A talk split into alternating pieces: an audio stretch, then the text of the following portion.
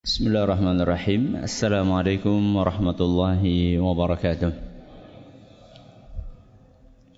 الحمد لله وكفى والصلاة والسلام على رسوله المصطفى وعلى آله وصحبه ومن اكتفى أما بعد Kita panjatkan puja dan puji syukur kehadirat Allah Tabaraka wa Ta'ala Pada kesempatan yang berbahagia kali ini Pada hari Jumat Tanggal 2 Muharram 1439 Hijriah Yang bertepatan dengan tanggal 22 September 2017 Kita masih kembali diberi kekuatan, kesehatan, hidayah serta taufik dari Allah Jalla wa'ala Sehingga kita bisa kembali menghadiri pengajian rutin untuk membahas adab dan akhlak di dalam Islam.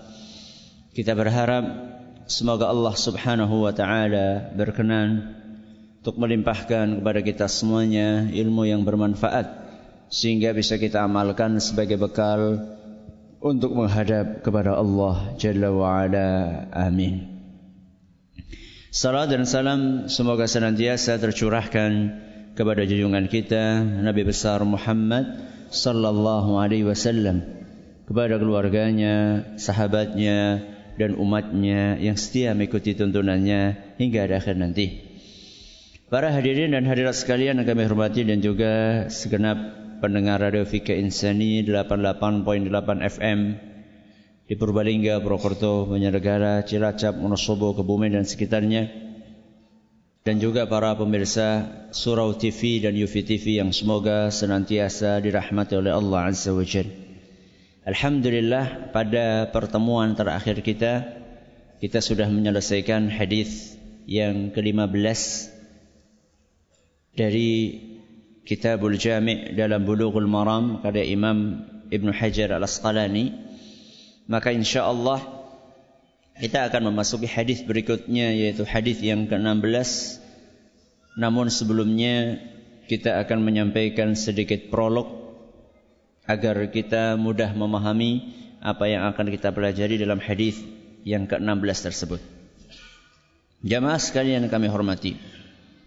Segala sesuatu kalau berlebihan itu tidak enak. Betul? segala sesuatu kalau berlebihan itu ndak enak. Enaknya itu sesuatu kalau pas.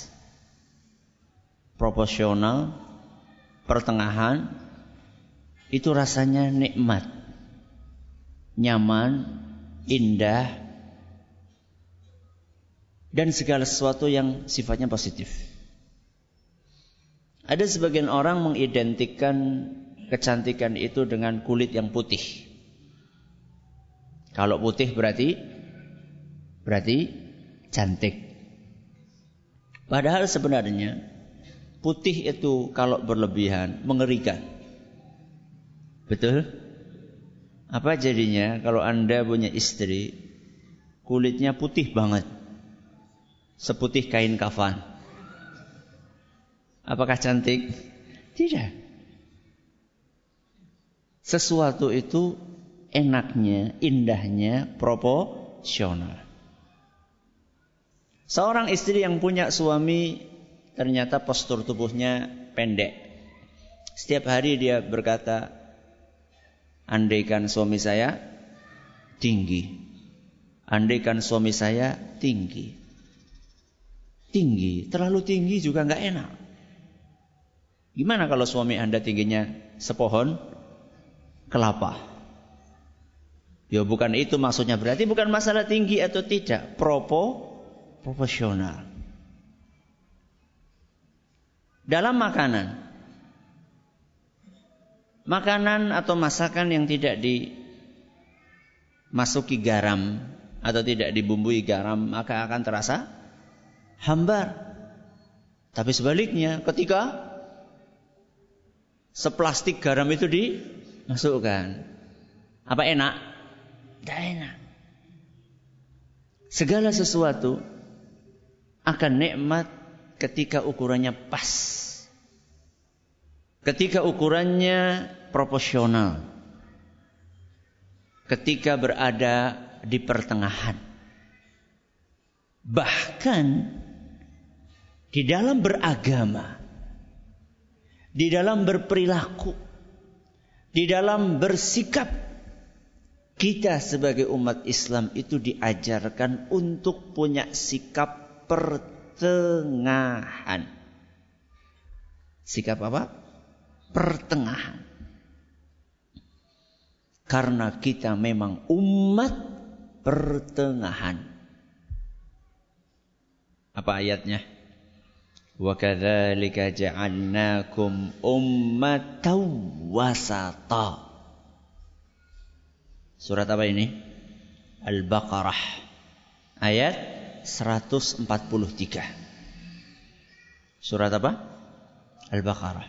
Ayat 143.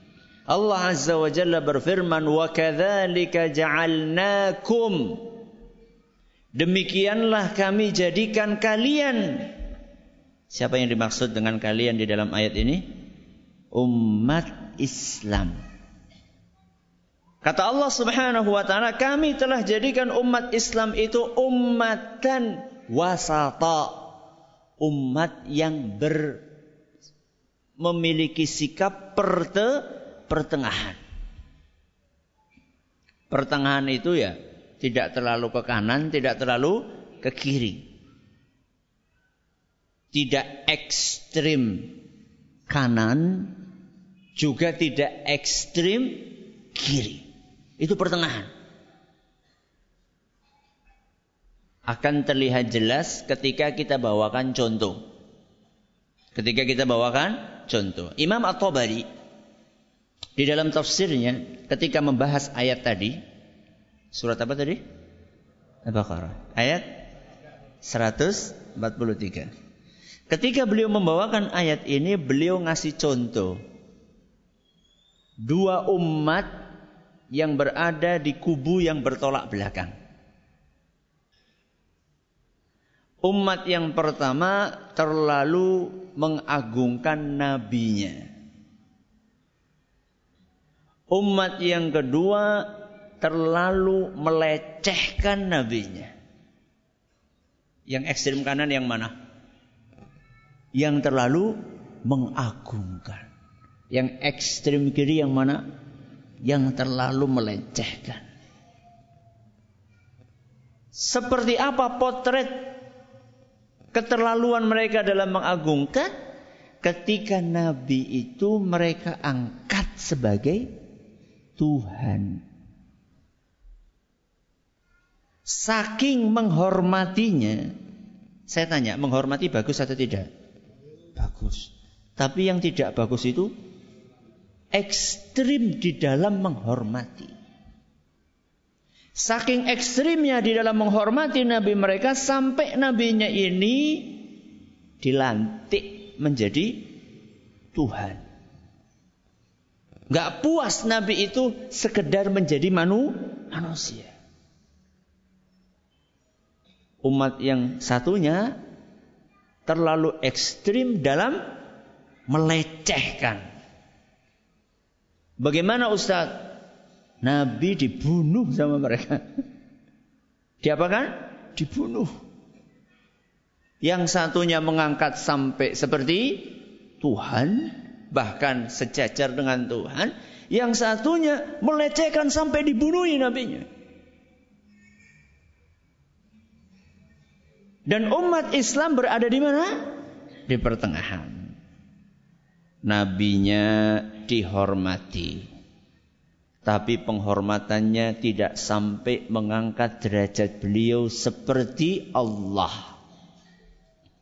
Dan menghormati tidak melecehkan.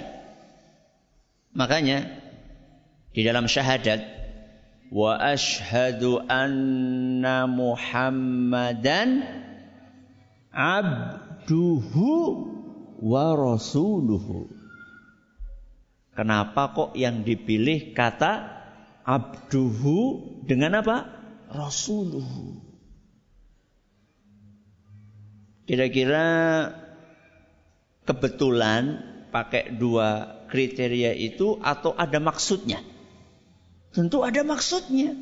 Muhammad dan abduhu wa rasuluhu. Muhammad itu abduhu. Apa abduhu? Hamba. Hambanya siapa? Allah.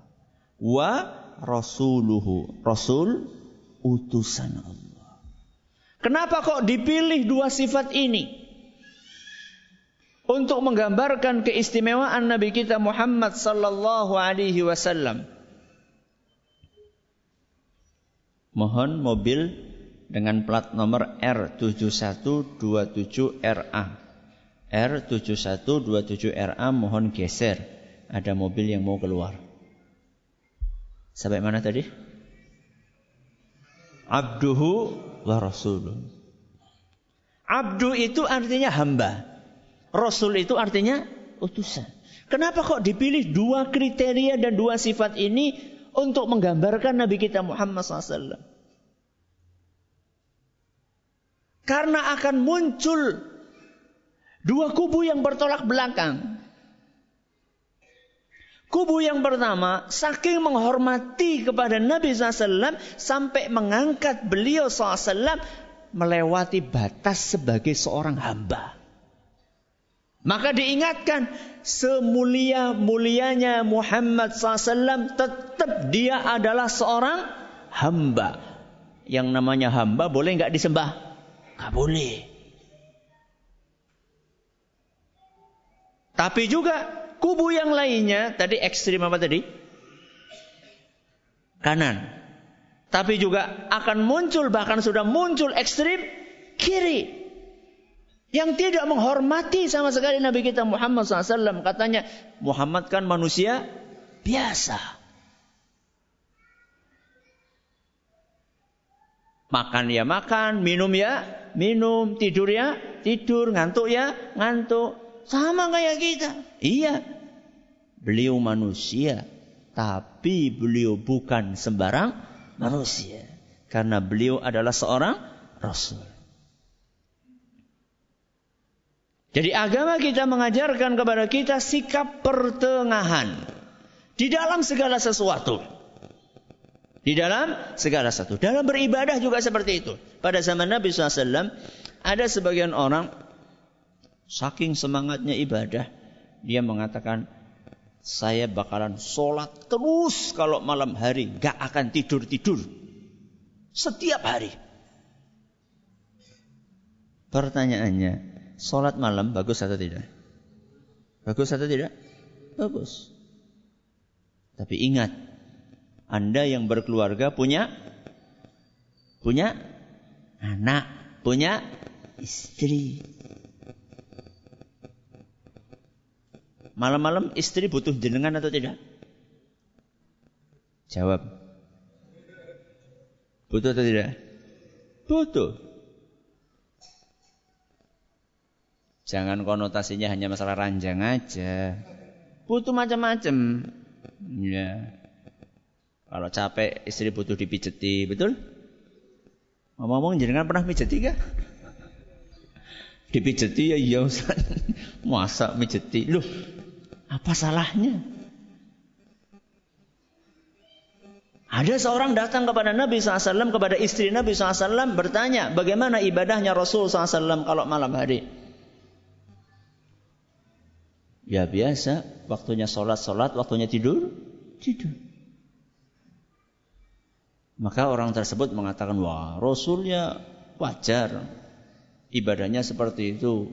Karena sudah diampuni dosa-dosanya oleh Rasul uh, oleh Allah Subhanahu wa taala. Kalau kita kan belum diampuni, maka kita harus lebih dari Rasul SAW. Kalau Rasul malam ada tidurnya, ada sholatnya, kalau kita harus sholat terus tanpa tidur. Ini bukan momen-momen tertentu ya, bukan di bulan Ramadan 10 hari terakhir, enggak. Ini lagi berbicara tentang sepanjang tahun dia akan melakukan itu. Dan ternyata berita itu bocor sampai ke telinga Nabi SAW. Dipanggil orang tersebut sama Nabi SAW. Diinterogasi oleh Nabi SAW.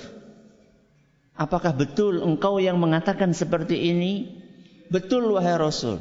Apakah kemudian Nabi kita Muhammad sallallahu alaihi wasallam merespon positif dengan mengatakan ngeten? Apa seperti itu? Boten. yeah. Nabi SAW justru menegur orang tadi. Ama ini atqakum wa akhsyakum lillah. Ingat, aku itu, aku di sini maksudnya Rasul SAW. Aku itu adalah manusia yang paling bertakwa. Aku adalah manusia yang paling punya rasa takut kepada Allah dibandingkan kalian semuanya. Walakinni usalli wa arqud. Tapi aku Walaupun manusia yang paling bertakwa di antara kalian. Aku waktunya sholat ya sholat. Waktunya tidur ya tidur. Maka ekstrim kanan tidak diterima dalam agama kita. Kalau ekstrim kiri gimana? Ya berbaik. Sebenarnya tang ini jam 6.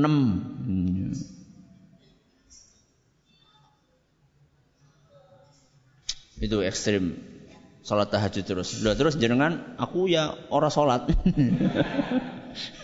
ini ekstrim apa nih? Ekstrim kiri. Ya. Yeah. Terus yang benar bagaimana Ustaz? Yang benar apa yang dipraktekkan oleh siapa?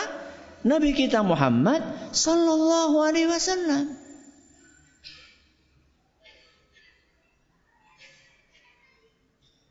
Yaitu setelah Isya kalau tidak ada kerjaan segera tidur.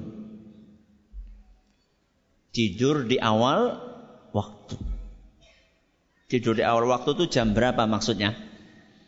Tidur di awal waktu itu bukan bar maghrib langsung turu, bukan. Selesai sholat isya tidur. Kalau memang tidak ada pekerjaan mendesak. Kalau mau bercengkerama dengan keluarga bagus, tidak apa-apa, tapi jangan terlalu malam. Setelah dapat istirahat, baru apa? Sepertiga malam terakhir. Jadi ada waktu untuk keluarga, ada waktu untuk Allah Subhanahu wa taala, ada waktu untuk fisik kita. Bagaimanapun juga fisik kita ini butuh istirahat. Setelah satu siang kita bekerja. Itulah sikap pertengahan. Apakah dalam berumah tangga juga ada sikap pertengahan? Betul, dalam berumah tangga juga ada sikap pertengahan. Ada seorang suami yang kalau masuk rumah itu seperti panglima. Ya. Serba cung, cung, cung. Ya. Pokoknya kalau sudah masuk rumah itu suasana rumah menjadi serem. Ketika ditanya kenapa? Ar-rijalu qawwamuna 'alan nisa'. Laki-laki itu pemimpin buat wanita. Jadi pemimpin itu harus serem. Ini tipe ekstrim. Apa ini? ya yes, tipe yang nggak baik. Nah, yang sebaliknya. Ada suami yang keberadaannya di rumah kayak nggak ada. Orang Arab mengatakan wujuduhu ka'adamihi. Ana orang nana pada baik. Bahkan yang dominan istrinya. Sampai istrinya berani mengatakan kepada suaminya macam-macam tak pegat. Loh kepriwe sih? Masa sih megat sama istrinya yang mau menceraikan suami? Gimana ini? Melihat anaknya, istrinya berbuat maksiat, berbuat dosa, diam seribu kata, tidak pernah ditegur. Dengan alasan itu kan HAM. Apa HAM? Hak asasi manusia. Terus sikap yang benar bagaimana Ustadz? Sikap yang benar menjadi pemimpin yang mengatur tapi juga siap untuk mendapatkan masuk masukan dari siapa? Dari anggota keluarganya, dari istri dan anak-anaknya. Pemimpin itu tidak identik dengan otoriter. Betul Anda itu di luar sana menjadi komandan. Anda punya prajurit bawahan-bawahan yang siap untuk diperintahkan, diatur, bahkan disuruh nyilem, mau. Tapi itu bukan tipe untuk mem memimpin sebuah keluarga. Tidak saklek seperti itu. Tapi juga seorang suami dia harus siap untuk memimpin keluarganya ketika melihat ada sesuatu yang tidak pas harus ditegur dengan cara yang baik. Ya. Ada kewajiban, ada hak. Ini dalam berumah tangga. Dan yang namanya sikap tengah itu bukan berarti netral. Sikap tengah itu tidak berarti netral. Netral itu apa toh? Tidak berpihak ke mana-mana.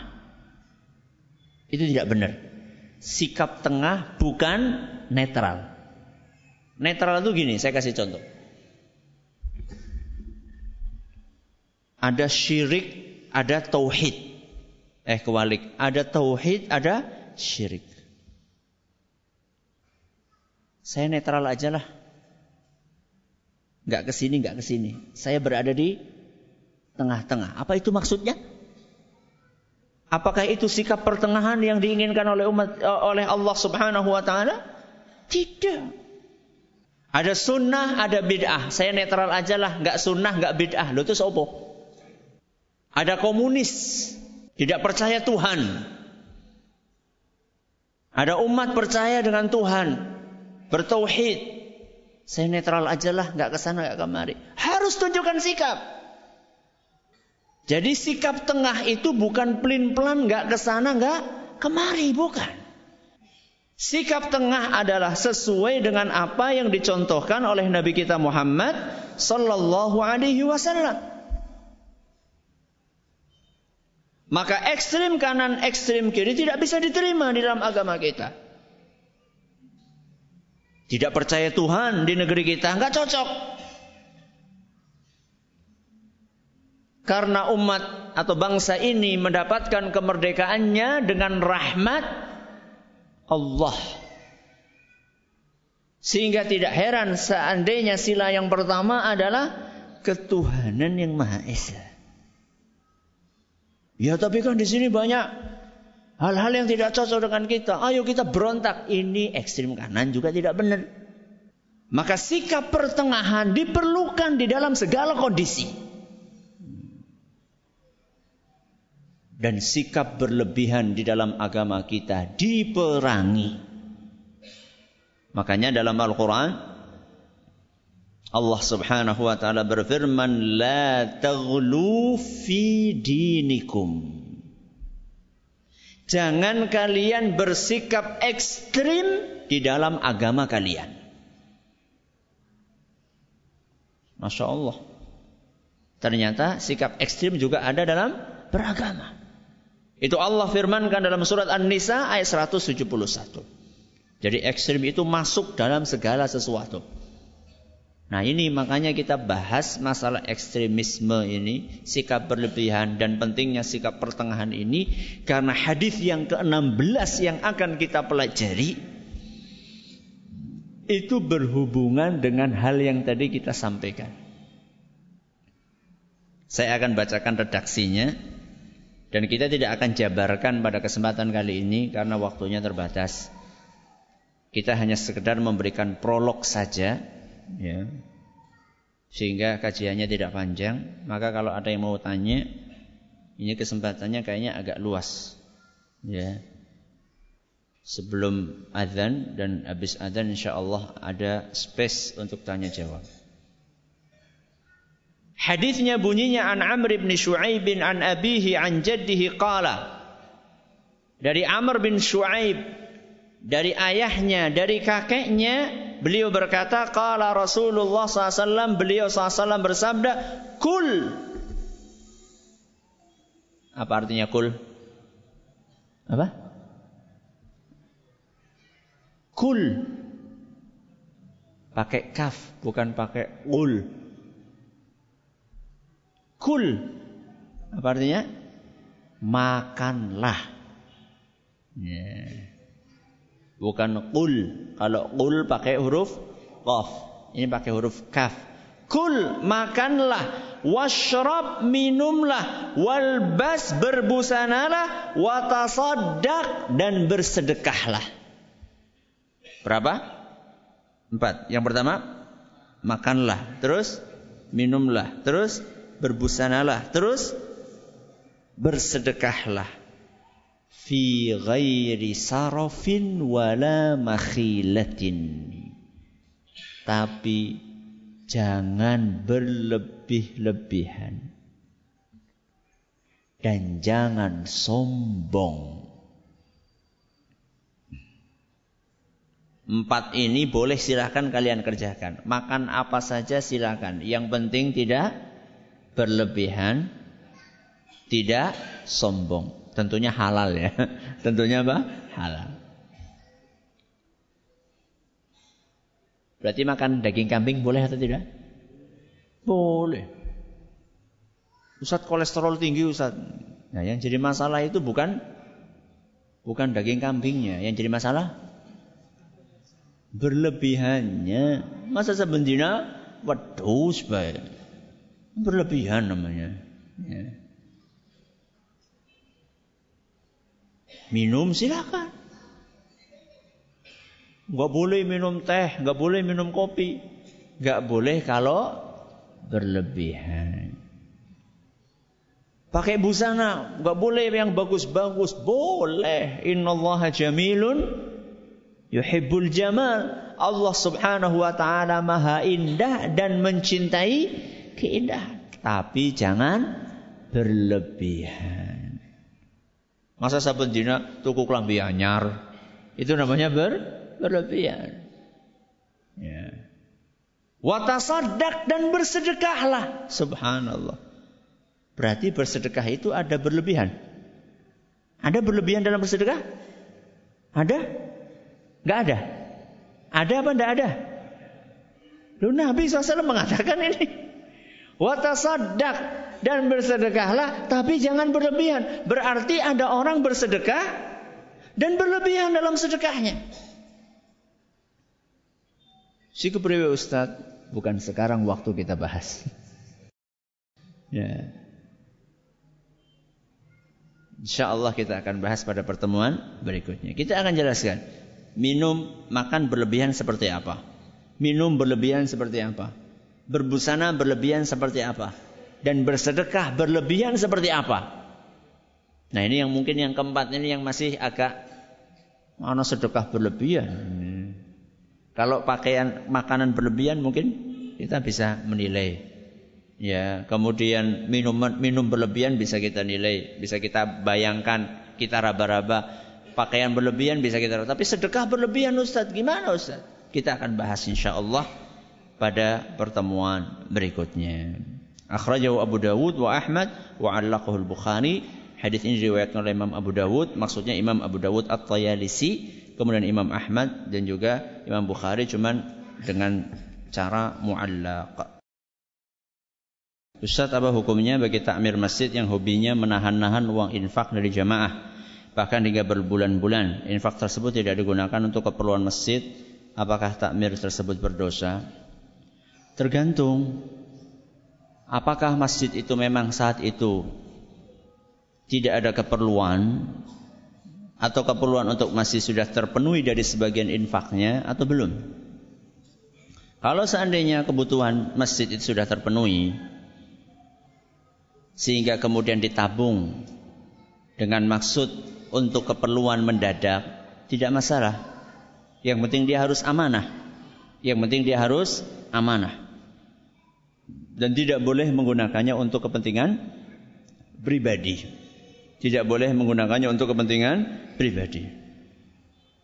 Tapi kalau misalnya masjid itu membutuhkan dan ini yang sering terjadi. Masjidnya tidak terawat. Banyak lampu yang mati. Atap mungkin bermasalah. Ya.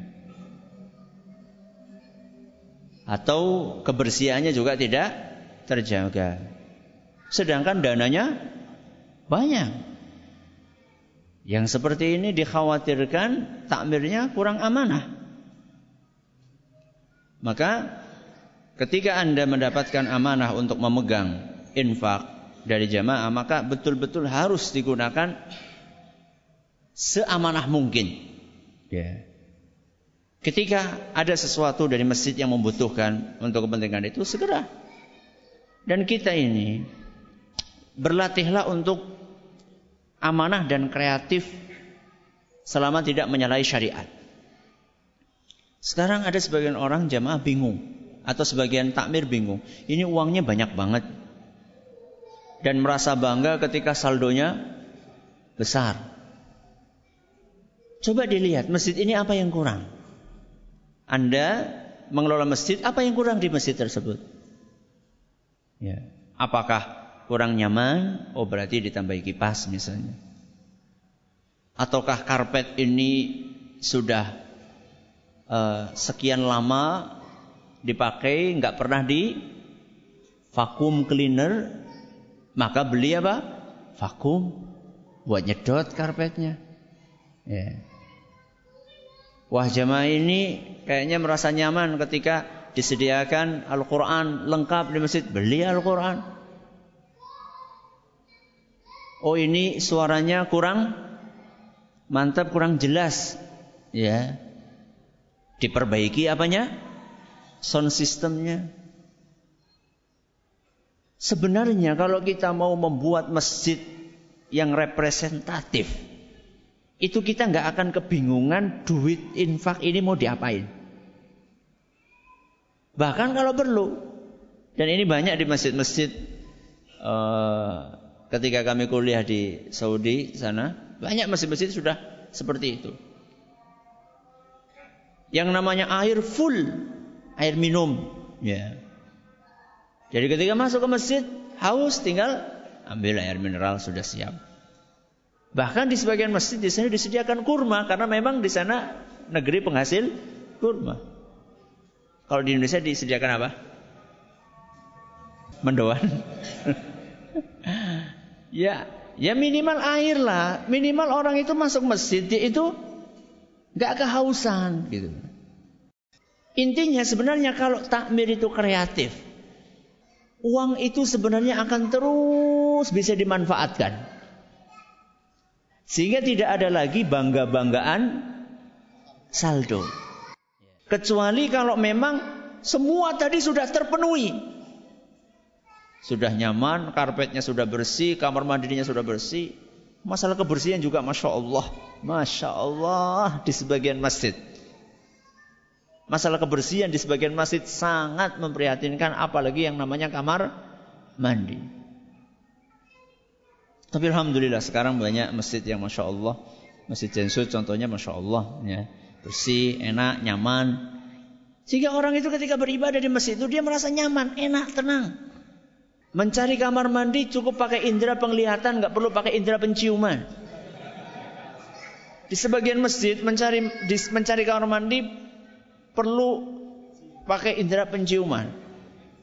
Mana yang paling pesing? Ya. Jangan seperti itu. Kloset putih bisa berubah menjadi kuning, hijau, bahkan hitam. Saking lamanya nggak pernah dibersihkan, masya Allah. Kalau saya, kami di mana di musola atau di masjid biasa yang membersihkan jamaah, yang membersihkan jamaah minimal seminggu dua kali Senin Kemis.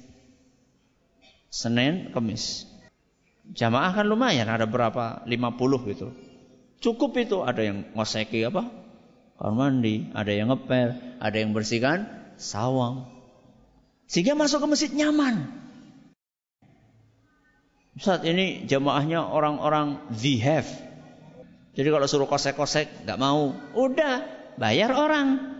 Duit ada kok. Ya, bayar orang dan diawasi. Maka intinya berusaha untuk amanah dalam memegang uh, uang infak dari jamaah. Ustaz, bagaimana caranya menyikapi orang tua yang mengatakan kalau orang tua meninggal jangan datang ke rumah kalau memakai baju yang hitam-hitam. Biar orang yang sekitar saja yang ngurusi jenazahnya karena alhamdulillah saya sekarang sedang belajar untuk menutup aurat sesuai dengan syariat tapi ditentang sama orang tua. Gampang, nggak usah pakai baju hitam. Tidak ada keharusan bagi kaum wanita untuk memakai baju hitam. Warna apa pun boleh. Warna apa pun boleh. Yang penting tidak terlalu mencolok. Dan tidak masuk kategori bersolek. Tabarruj. Jadi Anda pakai baju coklat, tidak apa-apa. Pakai baju abu-abu, tidak apa-apa. Pakai baju hijau, tidak apa-apa. Dan para sahabiat, sahabiat itu artinya kaum muslimat di zaman Nabi SAW. Itu mereka tidak melulu pakai baju berwarna hitam. Tidak melulu ber, memakai baju berwarna hitam. Saya bawakan beberapa riwayat di dalam buku kami 14 contoh praktek hikmah dalam berdakwah kami bawakan di sana beberapa riwayat bahwa para sahabiat itu memakai warna selain hitam. Dan para ulama kita memfatwakan seperti itu. Syekh bin Utsaimin, Syekh Al-Albani, para ulama kontemporer kita memfatwakan tidak harus pakai baju hitam. Tapi tetap memperhatikan etikanya, ya, tetap memperhatikan etikanya. Jangan yang tipis, transparan, ketat, jangan. Ya. Jadi gampang tinggal nggak pakai baju yang berwarna hitam. Ustadz kalau kita memberikan sebagian dari gaji kita kepada orang tua apakah itu termasuk berinfak? Atau infak harus kepada fakir miskin? Itu kewajiban. Itu kewajiban. Jadi kalau sedekah itu kan sunnah. Kalau anda kepada orang tua itulah sebuah kewajiban. Apalagi ketika orang tua membu membutuhkan. Maka lanjutkan, berikan kepada orang orang tua. Dan lebih dikedepankan, lebih diprioritaskan memberikan kepada orang tua daripada kepada orang lain yang tidak punya hubungan kerabat. Termasuk juga kepada saudara-saudara kita. Rasulullah SAW menjelaskan bahwa memberikan bantuan kepada orang lain yang masih keluarga itu dapat pahala double. Kata beliau, sodakotun wasilah pahala sedekah dan pahala silatu rahim. Jadi pahalanya ganda. Pahala sedekah dan pahala apa tadi? Silaturahim. Maka lanjutkan. Bahkan kalau orang tua sangat membutuhkan maka nggak usah hitung-hitungan. Diceritakan seorang sahabat Nabi SAW, saya lupa namanya. Apa pun yang diminta oleh ibunya, dia akan penuhi. Selama dia punya uang untuk membeli. Suatu saat ibunya itu minta minta isinya batang kurma, batang kurma isinya. Kalau bambu eh bambu itu bukan bambu. Batang pisang dalamnya apa namanya? Ares. Nah, itu kan enak di dimasak. Nah, suatu saat, suatu saat ibu dari sahabat tersebut ingin isinya batang kurma. Karena enak. Kalau pohon kelapa, pondoh. Ya, ya kira-kira itulah. Ya, pondoh. Ya, isinya pus tengahnya batang uh, kurma. Akan tetapi saat itu, saat itu pohon kurma lagi mahal-mahalnya. Sahabat tersebut punya duit. Dia cari pohon yang terbaik. Harganya seribu dirham. Berapa ya? Ya mungkin mungkin ya, mungkin kira-kira 70 juta gitu. Berapa? 70 juta. Orang-orang pada terheran-heran, "Wah, mahal banget beli pohon kurma." Lebih terheran-heran lagi ketika pohon kurma itu setelah beli ditebang sama dia.